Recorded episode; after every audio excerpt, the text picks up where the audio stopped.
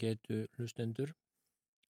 Í þættinum fyrir viku síðan hóf ég að lesa úr æfiminningum Mattíasar Þórðarssonar, skipstjóra með meiru, en eh, hann lísti því meðal annars þegar hann, 17 ára gammal, reði sig fyrst til sjós á þylskipið Svenn sem gert var út frá Hafnarfyrði.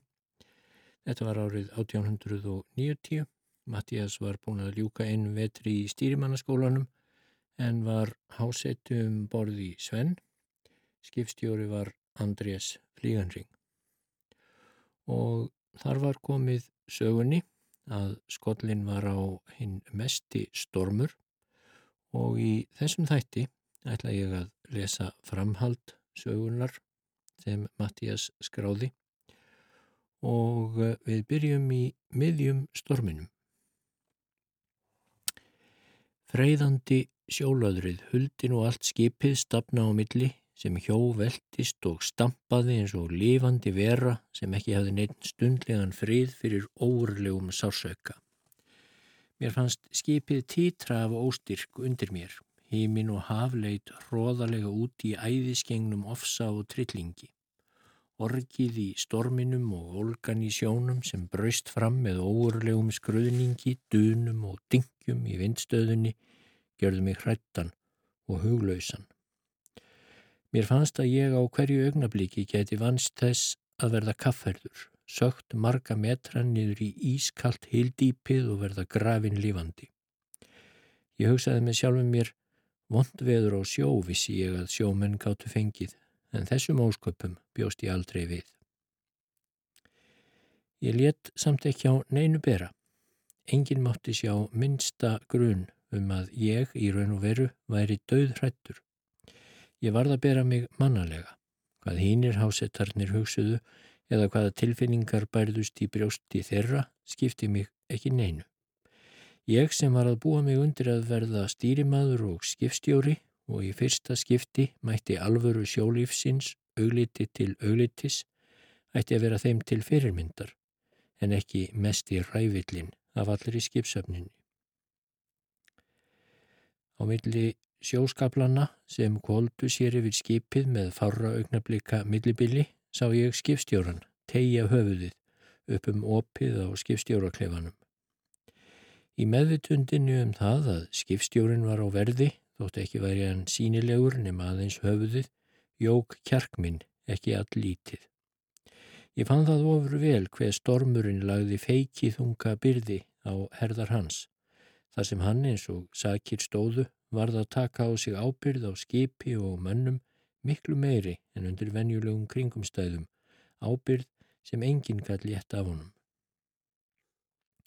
Ég bar ótakmarkað tröst til skipstjórans en samt duldist mér ekki að hann gæt við sára lítið ráðið eins og nú var ástatt og það voru takmörk fyrir því hvað skipið þóldi.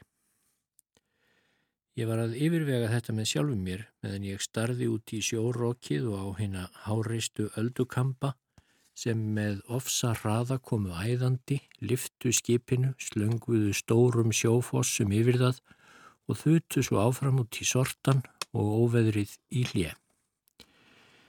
Ég tók eftir því að skipstjórin bendi með hendinni fram eftir um leið og hann begði sig niður og hverfur mér sjónum í andir í skipstjóraklefans. Ég líti áttina þangað sem hann benti og sé risavaksna bylgju með beigðan kampin gína yfir skipið. Í sama augnablíki skellur hún á kinnungin, flegir skipin á hliðina og grefur allt í sjó. Ég var á flotti í sjónum og vissi ekki hvar ég var. Mér láfið köpnun. Eftir augnablík átta ég mig á því að ég er í hásettaklefanum. Sjórin hafði skólað mér þar niður. Margar hendur og fætur eru á lofti í senn, rýfa í mig og ætla að tróða mig undir og draga mig niður í djúpið. Hásettaklefinn er hálfur af sjó og allir sem niðri eru brjótast um á hæl og nakka til þess að halda höfðinu upp úr sjónum. Pál Siglfyrðingur, hásetti, sem hafði staðið næstur mér við uppgangin, hafði tekið dauðahaldi utanum mig sem mér var ómögulegt að losa mig við og meðan við brjótumst um og slengjumst fram og aftur í þessu mikla vassflóði er hann í hálfum hljóðum að tauta við sjálfan sig. Nú er út um okkur, nú er út um okkur og fór svo að byggja fyrir sér.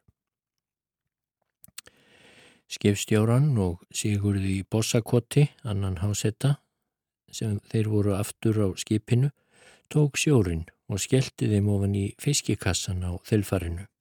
Stórar öldur hver eftir aðra riðu nú yfir skipið. Gorki skipstjórin nýja Sigurður gáttu borðið neina hönd fyrir höfuð sér. Báður höfðu nóg að gera að halda sér föstum.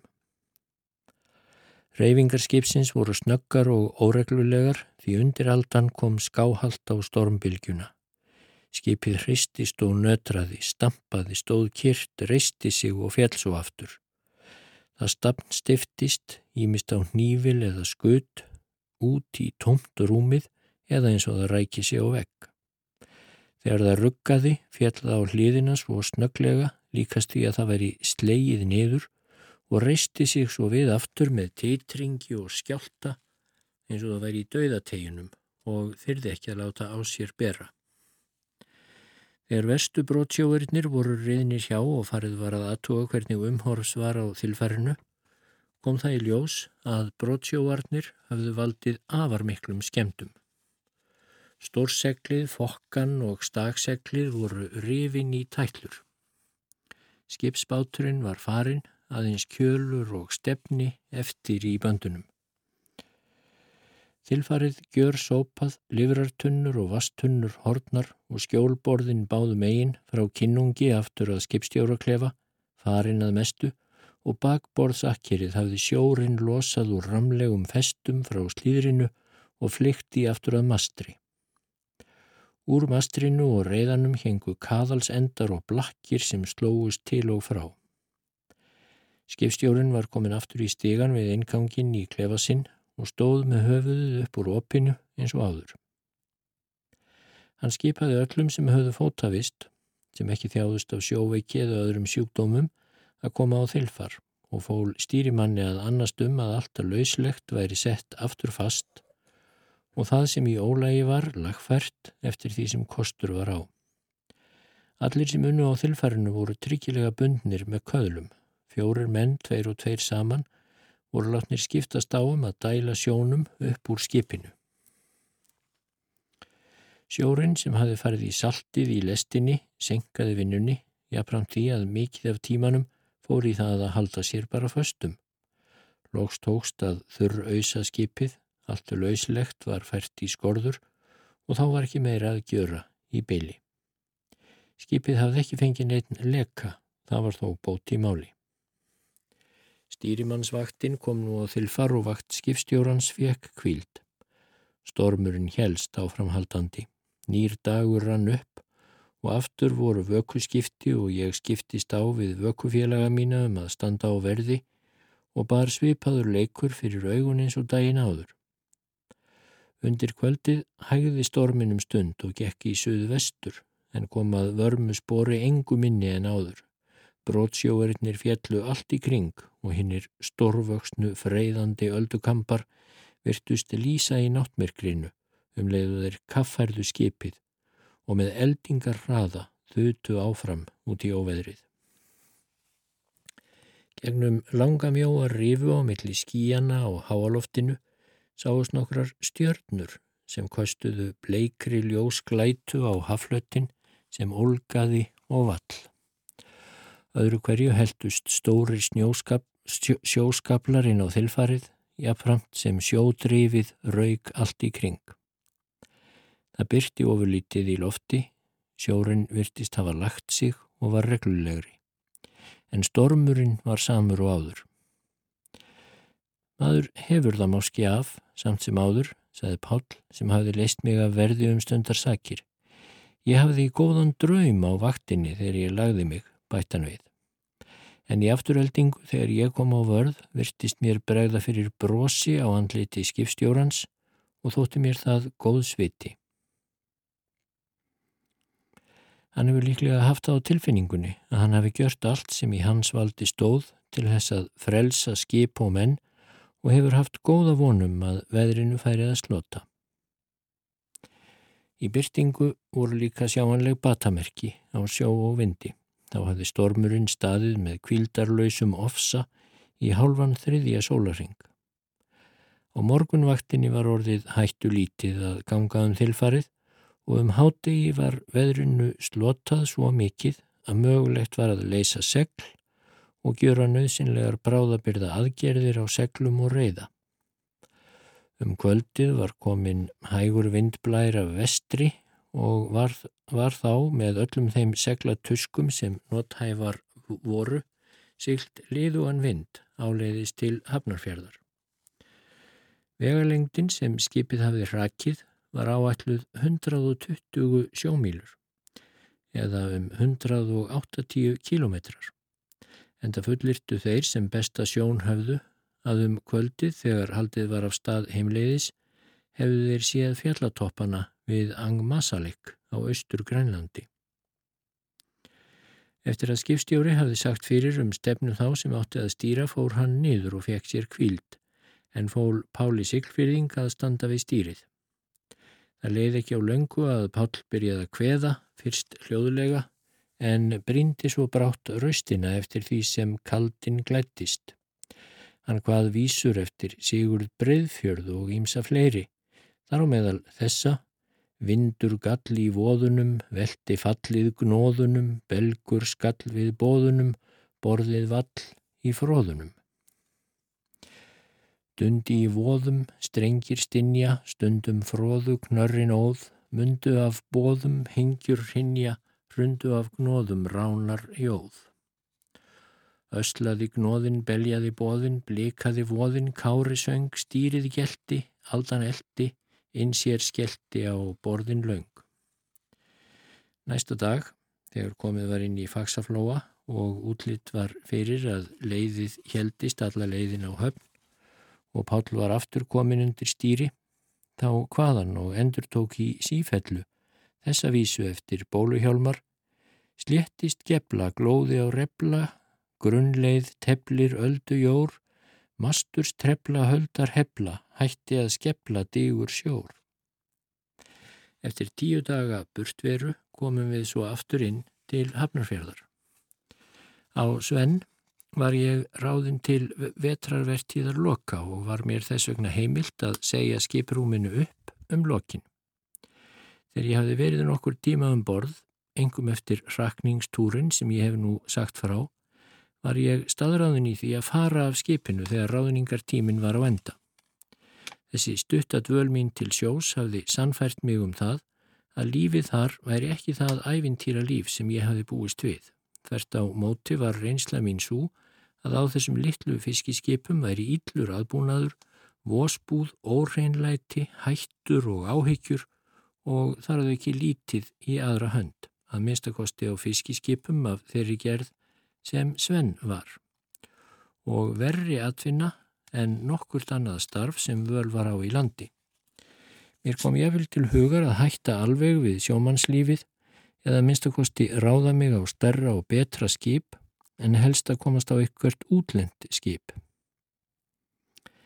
Á þessu hafði ég þó ekki orð við nokkurt mann en hugsaði því meira um það með sjálfum mér í kyrþau.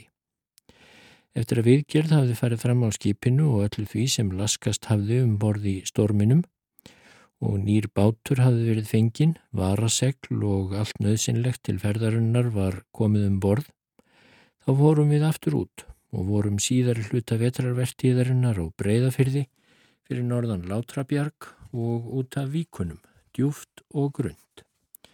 Veður var gott og við fiskuðum mjög vel, mér leiði nú miklu betur en áður og fannst lífið blátt áfram skemmtilegt. Það var nóg að starfa við fiskidráttin og kvíld eftir þörfum og þó að strekkingsvindur og slettingságjöf væri öðru hverju þegar silt var til þrautar til þess að halda sér við, þá var það barnaleikur í samanburð við stormin sem maður hafði áður orðið að mæta. Þegar við komum heim um lokin var breytt til um skipshöfn Þeir menn sem áttu heima í sveit fóru heim til sín og nýjir menn komu í staðin. Stýrimaðurinn fór líka en engin stýrimaður var ráðin í hans stað. Á öðrum degi eftir lokin þegar hásettarnir sem ætluð að fara voru að búa sig til brottferðar, gerði ég bóð fyrir skipstjóran og tilkynnti honum að það sem ráðningartímin væri á enda, þá ætlaði ég að fara. Skipstjórin spurði mig hvert ég ætlaði að fara og ég sagði honum að það væri ekki ákveðið og myndi ég ráðgast um það við föður minn sem ég byggist við að kæmi þá um daginn. Skipstjóri segir að hann hafi jáfnvel búist við að ég myndi koma og tala við sig og hafi beðið eftir því en hann segist ekki sjá ástæðu til þess að ég færi frá sér á annað skip yfir sumartíman. Þar sem ég hafi verið alla vetrarvertíðinu og myndi ég ekki hafa neitt ávinning af þeirri breytingu að fara á annað skip en það byggist hann ekki við því að fadir minn myndi ráðleggja mér að fara frá sér núna þegar hann hefði mælt með því að ég réðist hjá honum í vetur. Nú hef ég gert mína ráðstafanir, sagðan, stýrimaður fer í burtu og ég tek engan stýrimann í hans stað. Hvers vegna? Ég hef ætlað þér að búa í káetinu með mér, þú fær það rúm stýrimannsins. Þú verður nokkur skonar aðstóðarmaður minn um borð, hefur umsjón með annari vaktinni undir yfirstjórn minni, viktar út matfæla forðað skipshafnarinnar til hverjar viku og færir úttekt skip, skipverja inn í bækur og svo framvegis. Þú hefur hálfdrætti eins og áður en fæði hefur þú frítt upp á þessu og eins allan trósfisk sem þú dregur. Þetta áttu að geta gert þig ánaðan með og þar sem fadir þinn kemur hinga til hafnarferðar í dag þá getur þú ráðgast um það við hann hvort þú vilt ekki taka þessum kjörum eða ekki. Skemst er frá því að segja að um kvöldið flutti ég farangur minn aftur í káetu til skipstjórans, bjóðum mig í rúmi stýrimanns og viktaði út matvælaforða til vikunnar handa skipverjum og þar með var teningnum kastað. Skipverjar voru alls tólf, þar á meðal hjálegu bændurnir í görðum sem höfðu verið á í fyrirsýklingunni, Stengrimur gamli og Brandur Kokkur Ennfremur Pál Sigfyrðingur, Kristján Vinnumadur í Görðum og tveir eða þrýr aðrir menn úr Garðakverfinu. Hínir hásettarnir voru úr Hafnarfyrði eða af Vasleisuströnd. Sigurður í Bossakoti fór á eitthvert annað skip og veit ég ekkert um örlög hans síðar. Um sömarið fiskunum við fyrir Vesturlandi og lögðum upp aflan við verslun Áskirs Áskirssonar á Ísafyrði. Við fiskuðum vel yfir sömarið og leið mér allan tíman mjög vel. Nú hafði maður sumar blíðu í stað vetrarstormana og vetrarvertíðinni og ég hafði góðan verustad í káettunni þar sem ég hafði allt útaf fyrir mig í samneiti við skipstjóran. Mísmunurinn á aðbúnaði þryfnaði og félagskap var svo mikill og ólíkur því sem ég hafði mátt búa við um veturinn að það skipti í tvo heima. Ekki virtist mér að félagar mínir litu mig neitt íllu auga, þótt ég hefði orði fyrir þessum frama. Virðing þeirra fyrir skipstjóranum var líka mikil og rótgróin, svo það gæti ekki komið til mála að þeir letu neitt uppskátt í þá átt að hann erði var við, því það sem hann gjörði var í þeirra augum hið eina rétta og sem ekkert var hægt að setja neitt út á en hins vegar virtist mér að ég hefði talsvert vaksið í áliti hjá félagum mínum. Að öru leiti var framkoma mín við þá og þeirra við mig, sveipuð og verið hafði áður. Höstið 1890 fór ég aftur á stýrimannaskólan og voru þar þá aðeins nýju lærisveinar. Ég útskrifaði staðan um veturinn og var prófið haldið dagana 27. 7. og 8. februar. Við rutan mig voru þrýr aðri sem útskrifuðust það ár, þeir Áskir Þorstensson, Snorri Snorrason og Fridrik Nílsen. Áskir Þorstensson var mjög döglegur maður þá nokkuð yfir þrítugt, hafði verið mörg ára á þilskipum og var giftur dóttur Sigurðar skipstjóra Símónarssonar, hins kunna hákarlaformans Gersóeka. Snorri var ættuður á Norðurlandi átti heima í Nýjabæi og Seltjarnarnesi. Hann fór nokkur síðar í siklingar og var lengi stýrimaður og ymsum skipum en var síðast skipstjóri á mótorskonnortu. Í ófriðinu mikla 1916 fórst hann í Norðursjónum af völdum stríðsins. Fridrik Nílsen var ættaður af Vesturlandi, hann fór einnig í siklingar og druknaði nokkur síðar.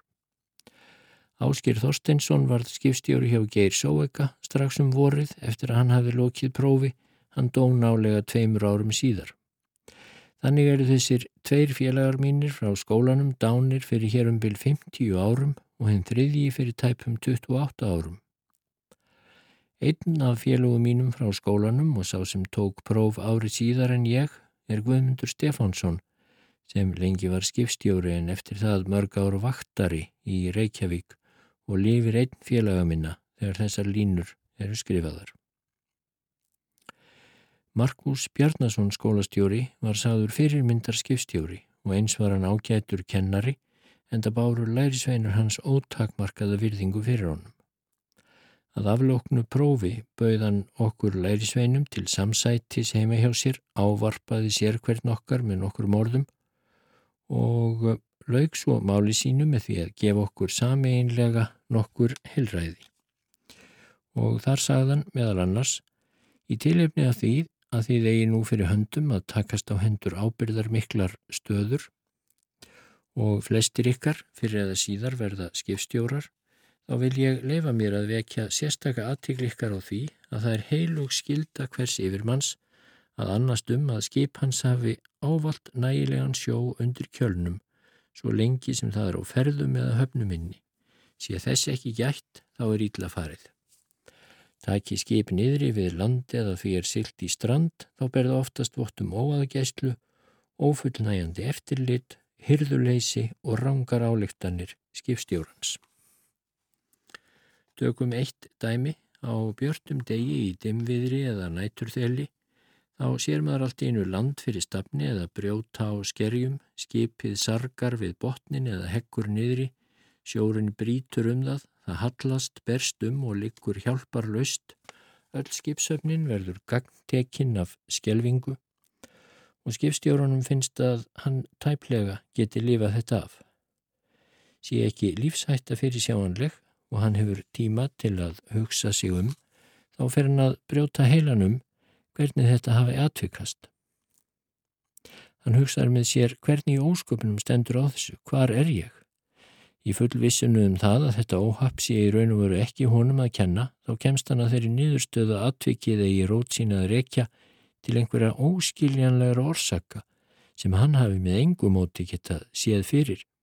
Sé kortið skakt, landið hafi skriðið fram eða skerin sé ekki tilgreynd á kortinu áttavitin sé rangur og ýmsar aðrar getgáturir og reyðum höndum hafðar og að síðustu sættir hann sig við að þetta sé að kenna einhverju dæmalauðsri óhefni. En það hafa vissulega komið fyrir skipströnd sem örðugt virðist hafa verið að afstýra, strönd sem orsökuðust af stormi, þóku við ókunnar strendur, sandrif og sker og svo mun vitaskuld ávalt verða. En hvort heldur yfirmanninum tekst að frelsa skipið eða ekki þegar hann strandar eða rekur sig á land, þá hefur hann að venjulega á tilfinningunni að hann hafi vanrægt skildu sína. Þessi óhefni hefur, getur gjört hann að betri manni en hann verður aldrei sami maður. Hann missir eitthvað, jáfnvel meira en hann hefur vantað áður. Munið að það er skipstjórin sem siklir skipinu í strand en það eru aðrir menn sem verða að vinna því að koma því á flot aftur. Það er skipstjórin sem í slíkum tilfellum bakar fjöldamanns tjón en aðrir sem bjarga mönnum skipi og farmi ef það þá tekst. Um veturinn réðst ég aftur á Svein, Sven sem stýrimaður nú til skipstjóra Ágústs Flíganrings yfir allan útgerðartíman. Við fengum góðan afla og leið mér mjög vel. Sumaraflan lögðum við upp eins og áður í neðsta kaupstað í verslun Áskirs Áskirssonar á Ísafyrði. Síðasta túrin fórum við eh, með til Hafnarfjörðar og lögðum á land hjá Knútsens verslun og var þar verslunarstjóri Gunnlaugur Brím. Eftir heimkomuna var það afráðið að skipstjórin Ágúst Flíganring væri utan og erði þar um veturinn og eh, kefti skip í félagi með síra Þórarni og Jóni síni hans en jáfnframt var ég ráðin skipstjóri á Svenn fyrir næstkomandi útgerðar tíma, aðeins tvítugur aðaldri. Ágúst Flíganring var í Norrægjum veturinn og tók þar skipstjórapróf og lærði að sníða segl og sauma. Hann kifti þar kútaran Himalaya, ensk byggðan, rúmlega 50 smálestir að stærð og kom heim með hann til Hafnarfjörður um vorið. Ég var í Hafnarfjörðu um veturinn og vann þar að segla saumi með skipstjóra Snorra Sveinsinni frá gerðum er var mjög haksín og lægin um allt sem snerti útbúnað á skipum. Við saumuðum ný segl á Svenn, gerðum við þau eldri og útbyggum skipið eftir föngum. Prófasturinn sparaði ekki neitt er álitið var nöðsynlegt til þess að skipið væri gert sem best úr gardi en það þurfti þess með svo það geti talist nótæft við fiskveiðar og vetrarvertíð. Á venjulegum tíma lagði ég svo til veiða á vetrarvertíðinni og hafði flesta þá menn sem hafðu verið á Svenn árið áður, neymarendar Pál Siglfyrðing sem heldur óskaði að býða eftir hinnu nýja skipi Ágústs Flíganring er átti að koma í vetrarvertíðar lokin og vildan heldur vera með gamla skipstjóra sínum. Tvöða næstu árin var ég svo skipstjóri á Svenn, þó þannig að þar sem Sven þótti tæplega færum að þóla vetrastormana og þeir eigendurnir höfðu nú himmalæja líka og örðugt var að fá góða fiskimenn út á bæði skipin. Þá var það ákveðið að ég væri stýrimaður á himmalæja á vetrarvertíðinni og tæki svo við skipstjórn á Sven í vertíðar lokin og væri meðan á sumrin. Aflabröðin á Sven gengu vel öll þau ár sem ég var meðan en skipið gerðist nú nokkuð fúið og úr sér gengið og brátt koma því að ég óskaði þess að vera ekki með það lengur. Um höstið 1893 sagði ég upp stöðunni sem skipstjóri og kefti mér hluti í öðru skipi. Tveimur árum síðar var Sven högvin upp þegar ég kvatti sírar þórarinn um höstið gaf hann mér meðmælabref. Og eh, Þegar ég fór frá prófastinum var ég aðeins 21 árs að aldri, reyndur sem skipstjóri, stýrimaður og hásetti. Skipverjar á Svenn voru allir rosknir menn á aldrinum frá 30 til 60 og þar yfir. En þar sem ég var tæplega 20 þegar ég var stýrimaður og síðar ráðin skipstjóri, þá duldist mér ekki að þar var djart telt og að ég hafði ekki nægar lífsreynslu til að taka svo ábyrðar miklar stöður að mér. En til þess að girða fyrir að hásettarnir álitu mig óvita ungling eða hálgert barn og ég af þeirri ástæðu misti tröst þeirra, þá forðaðist ég að láta uppskátt við þá aldur minn, en let þá standa í þeirri meiningu að ég væri 25 ára, eins og sá ráðnasti og rosknasti á meðal þeirra Stengrimur gamli, hafði getið til þegar ég kom fyrst um borð og við það satt. Ég var svo heppin að farmanalögin komist fyrst til framkvæmda eftir að ég var orðin skipstjóri og þurfti því, þurfti því ekki við skipskráningu að skýra frá aldri mínum. En hins vegar vissi prófasturinn þegar hann réð mig sem skipstjóra óskup vel hver gammal ég var. Hann sáðað á prófotturði mínu frá stýrimannaskólanum og þegar ég færðist undan að takast á hendur skipstjórn fyrir æskusakir, þá svaraðan aðeins á það skal þó hætta. Líklega hefur fyrirrennari minn um borð í Svenn, skipstjórin Ágúst Flíganring, mælt með mér, án þess mér væri það kunnugt og þess vegna hefur ráðning mín sem skipstjóra komist í framkvæmt. En hvað sem um það var, þá vildi ég ekki eiga á hættu að missa tröst hásettana fyrir þá sög að ég væri of ungur og þess vegna held ég sem satt aldrei mínum lendum fyrir þeim alla tíð.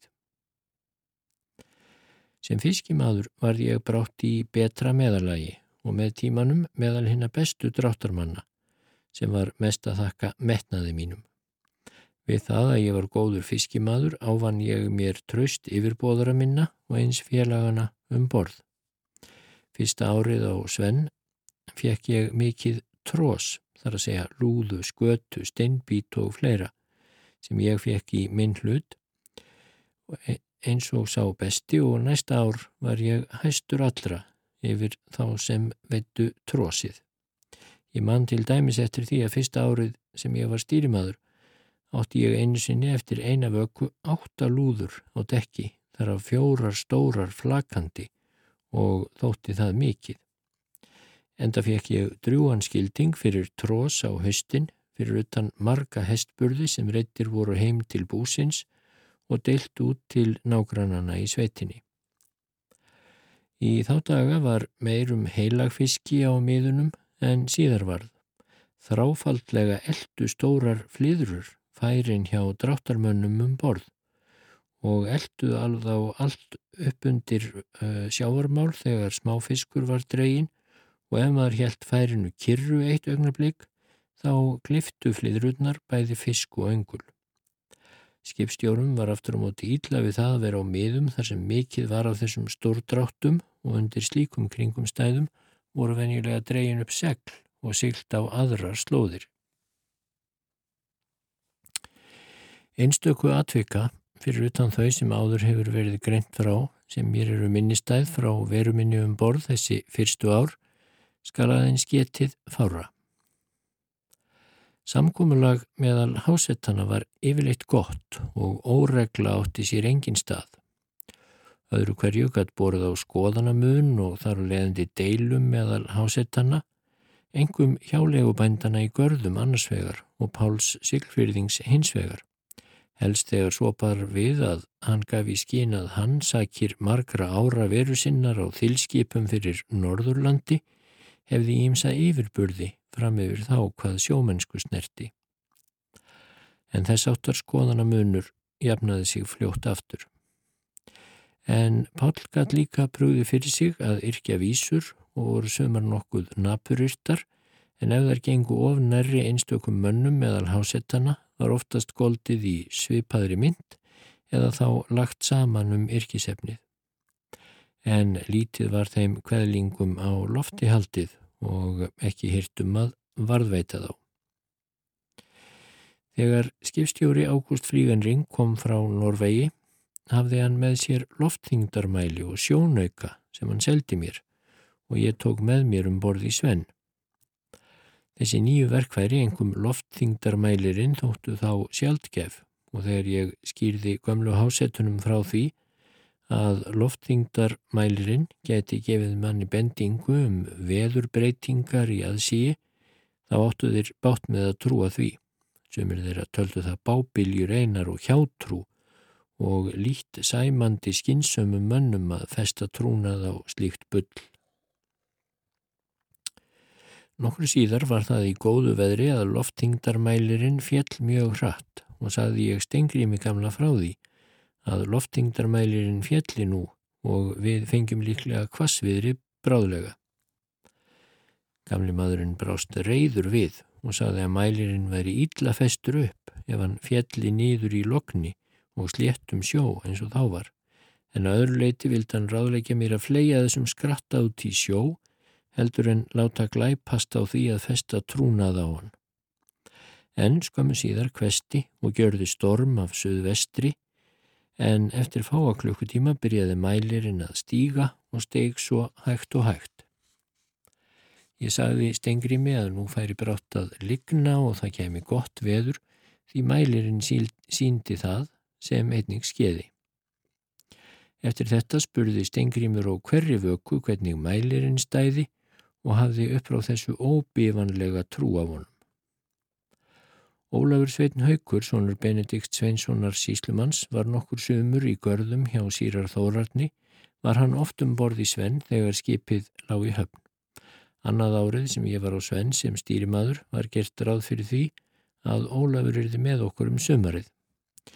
Vinnumennirnir í görðum töldu okkur trúum að það myndi verða gaman að því að hafa Ólaf með, en ekki sögðust þeir búast við því að það erði verulegt lið að honum sem sjómanni en hann væri orðhákur með afbreyðum, sögðu þeir, og þess vegna er þann góður til þess að standa upp í hárinu á Páli Siglfyrðing og það geti orðið góð skemmtun að honum um sumartíman. En svo bættu þeir við að það væri í raun og veru meira varið í Ólaf en í einar bróður hans, einar Benediktsson skáld, sem oft hefði verið í görðum og þeir þekktu líka. Einar hefur ekki róð við Ólafi þegar þeir eru að munnhagvast þótt Einar sé eldri, sögðu þeir. En einhver hluta vegna var það ekkert úr því að Ólafur yrði á svennum sumarið og þótti mér leiðinlegt að fá ekki að kynast honum. Og Ólafur Benediktsson druknaði í heil nálagt elliðavatni aldamóta árið 1900. En árin sem ég var skipstjóri á Svenn var Ólafur Jóelsson stýrimaður hjá mér. Hann var síðar fiskmatsmaður í Hafnarfyrði, hann var góður maður og mér mjög gethekkur. Frá Páli Siglfyrðing er það að segja að vorið 1892 fór hann til Vestfjörða og var um tíma á vegum Mattíasar Ólafssonar, kaupmanns í eh, Haukadal í Dýrafyrði og komst þar á skip frá Boston í Norður-Ameríku er stundaði heilagfiska veiðar yfir fyrir eh, Vesturlandu um sömarið. Pál Sigfyrðingur fór með skipinu vestur um haf og heyrði ég að hann hefði druknað þar nokkurum árum síðar. Pál var enginlegur maður, að mörguleiti vel gefin en auðnu lítill. Árin sem ég var skipstjóri á Svenn á sömrin þá vann ég á haustin rúmlega takkjamánaða tíma við seglasöym í Hafnarfyrði til þess að endurbæta gömul segl og söйma nýhanda skipinu. Fyrra árið vann ég á seglasöymastofu hjá Ágúst Flíganring sem hann hafði í vörugeimslu húsum Þorsteins Kaupmanns Egilsonar en síðar veturinn hjá Snorra Sveinsinni skipstjóra frá gerðum í Garði er vannað seglasöymi í Templarahúsinu. Á seglavinnustofu Flíganrings var einn maður fyrir utan mig og svo drengur til smá snúninga. Annars vann Flíganring oftast sjálfur að seglavinnunni ásamt okkur. Maðurinn sem vann á saumastofunni, ég vil kalla hann K, var á milli 20 og 30, þó líklega nær 30 aldrinum. K var heldur laglegur í sjón og gunni vel allt sem lautað starfinu. Hann hafði verið á stýrimannaskólanum síðasta veturinn sem ég var þar og svo veturinn næsta á eftir en hætti námi þar sem hann tristi sér ekki til að fást við lærdómin. Hann var svonur efnaðs bónda á Altanesi og þótti föður hans leitt að hann hætti en við því var ekkert að gjöra. Vel fór á með okkur ká en það þekktumst við vel frá verunni í skólanum. Ég hafði oft hjálpað honum með örðug dæmi í starffræðinni þótt að litlum nótum kemi. Þetta var hann mér þakklátur fyrir. Flíganring var maður gladlindur og skemmtilegur og tók oft átt í samræðum um almenn efni en ef húsbúndin var ekki viðstattur var samræðu efni lítið hjá okkur hinnum og snýrist á mest um það sem við vorum að vinna. Ég hafði verið rúman mánuð á vinnustofunni þegar ég fór að gefa því göym að Ká virtist vera fremur áhyggjufullur og svaraði aðeins þegar á hann var yrt. Enga hugmynd hafði ég þó um ástæðuna og spurði Ká einskís. Eitt dag um hátægispilið tilkynnti flíganring okkur að hann þurfti að skreppa til Reykjavíkur og kem ekki á sömastofuna þann daginn. Ká var þögull að vanda En eftir eftirmiddagskaffið sem okkur var fært á vinnustofuna virtist eins og heldur lipnaði yfir honum. Hann talaði þá nokkuð um daginn og veginn en brátt varð hlýja á samtalinu aftur. Það leiði nokkur tími þar til Ká allt í einu snýr sér að mér og segir í hálfum hljóðum Viltu gera nokkuð fyrir mig? Ég veit þú getur gjört það að þú vilt. Ég skal greiða þér vel fyrir það. Ég svaraði að ég skildi að sjálfsögðu gera það ef ég ætti hægt með það. Ká þegir dálitla stund eins og hann eigi örðugt með að láta það uppskátt sem honum bjó í brjósti en vonbráðar segir hann í hálfum hljóðum eins og aður ég ætla að byggja þig að skrifa fyrir mig bref heldur að þú viljir gjöra það. Ef brefið er á íslensku og ekki mjög langt þá skulum við sjá hvernig það tekst segi ég. Það á að vera á íslensku og þarf ekki að vera langt og ég skal gefa þér hálf pund af besta tópaki sem fæst hér í fyrðunum fyrir að skrifa brefið. Nú þá er best að gera það, segi ég, Þú getur skýrt mér frá innihaldinu núna, svo skrifa ég það heima í kvöld. En hvert er innihald þess og til hvers er það? Brefið er til stúlku hér í fyrðinum sem ég líst mjög vel á. Mér langar mjög mikið til að byggja hennar, svarar Ká. Nú vandast málið, segi ég. Ég hef aldrei skrifað þess áttar bref og veit ekkert hvernig ég á að hafa það. Þekkir þú þessa stúlku? Hvers vegna talar þú ekki við hana? Ég þekkja hann aðeins í sjón, sagði Ká. Ég hef oft mættinni en aldrei talað við hana og eina ráðið finnst mér verið að skrifinni. Mér finnst stúlkan mjög lagleg og myndarleg að sjá. Það er hún R á bænum S. Þú hefur líklega séðan einhver tíman eða hirt hennar getið. Jú, sagði ég, ég hef vist mættinni nokkrum sinnum á göttunni, en veistu nema hún sé trúlöfuð?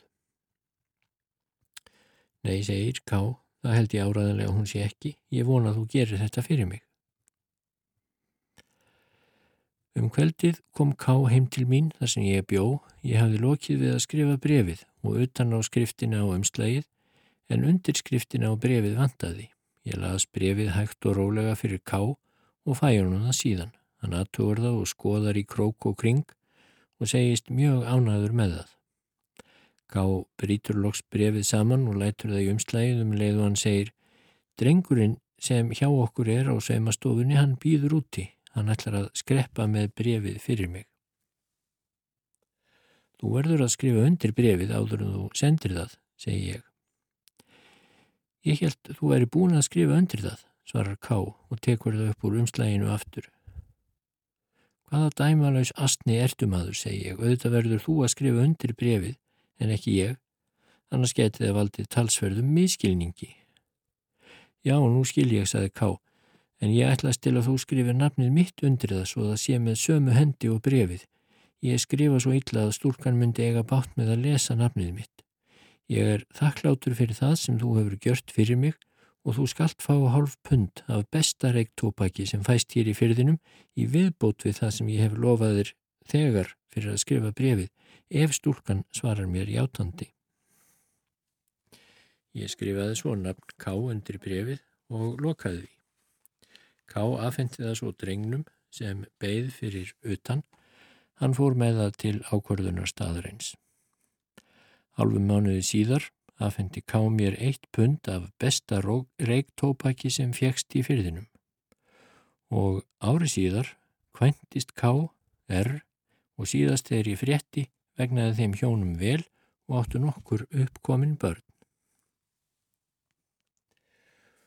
Ég ætla að ljúka þessum lestri úr æfiminningum Mattíasar Þórðarssonar með því að lesa lýsingu hans á stormum og uh, hann segir þar stormar eru óvinnir sjómannsins og hafa verið það frá öndverðu. Þeir gera vart við sig í byrjun á ýmsan hátt. Sumir stormar koma með hægð og á limskulegan hátt en aðrir með ofsa og trillingi. Stormurinn hefur ógnandi rött og spilar á marga ósamkynja og ósamhljóma strengi. Hann þýtur yfir lög og láð og allt lifandi og dögt stínur og skjelfur undan þunga hans og átökum. Hann æsir upp hafið og grefur sig undir yfirborð þess, rótar því upp og þyrlar því saman í hauga og tröllaukna garda sem hann sviblar, veldir og rekur á undan sér. Hann myndar kvítfissandi ströymrastir, hrinjandi fossa, hengiflug og dranga sem stíga og falla, olga og hjaðna og æða áfram með óstöðvandi hraða. Veið þeim sjómanni sem mætir storminum óvið búin. Allt sem verður á leiðans tekur hann fangbröðum og í þeirri viðurregn verður margur sjófarandi, grátt leikin. Og Mattías vitnar svo til ekki minni manns en Bærons lávarðar sem orti í þýðingu Gríms Dómsens Hafið kvíðir komu hans og stínur og kvenkar sér með dimmu sorgar hljóði. Er bílur vex þá brístað um og drínur og beljar fram í kvítu öldu flóði. En eftir á, í ekka þrungnum móði, upp bólkið harmsogandi lengi dínur.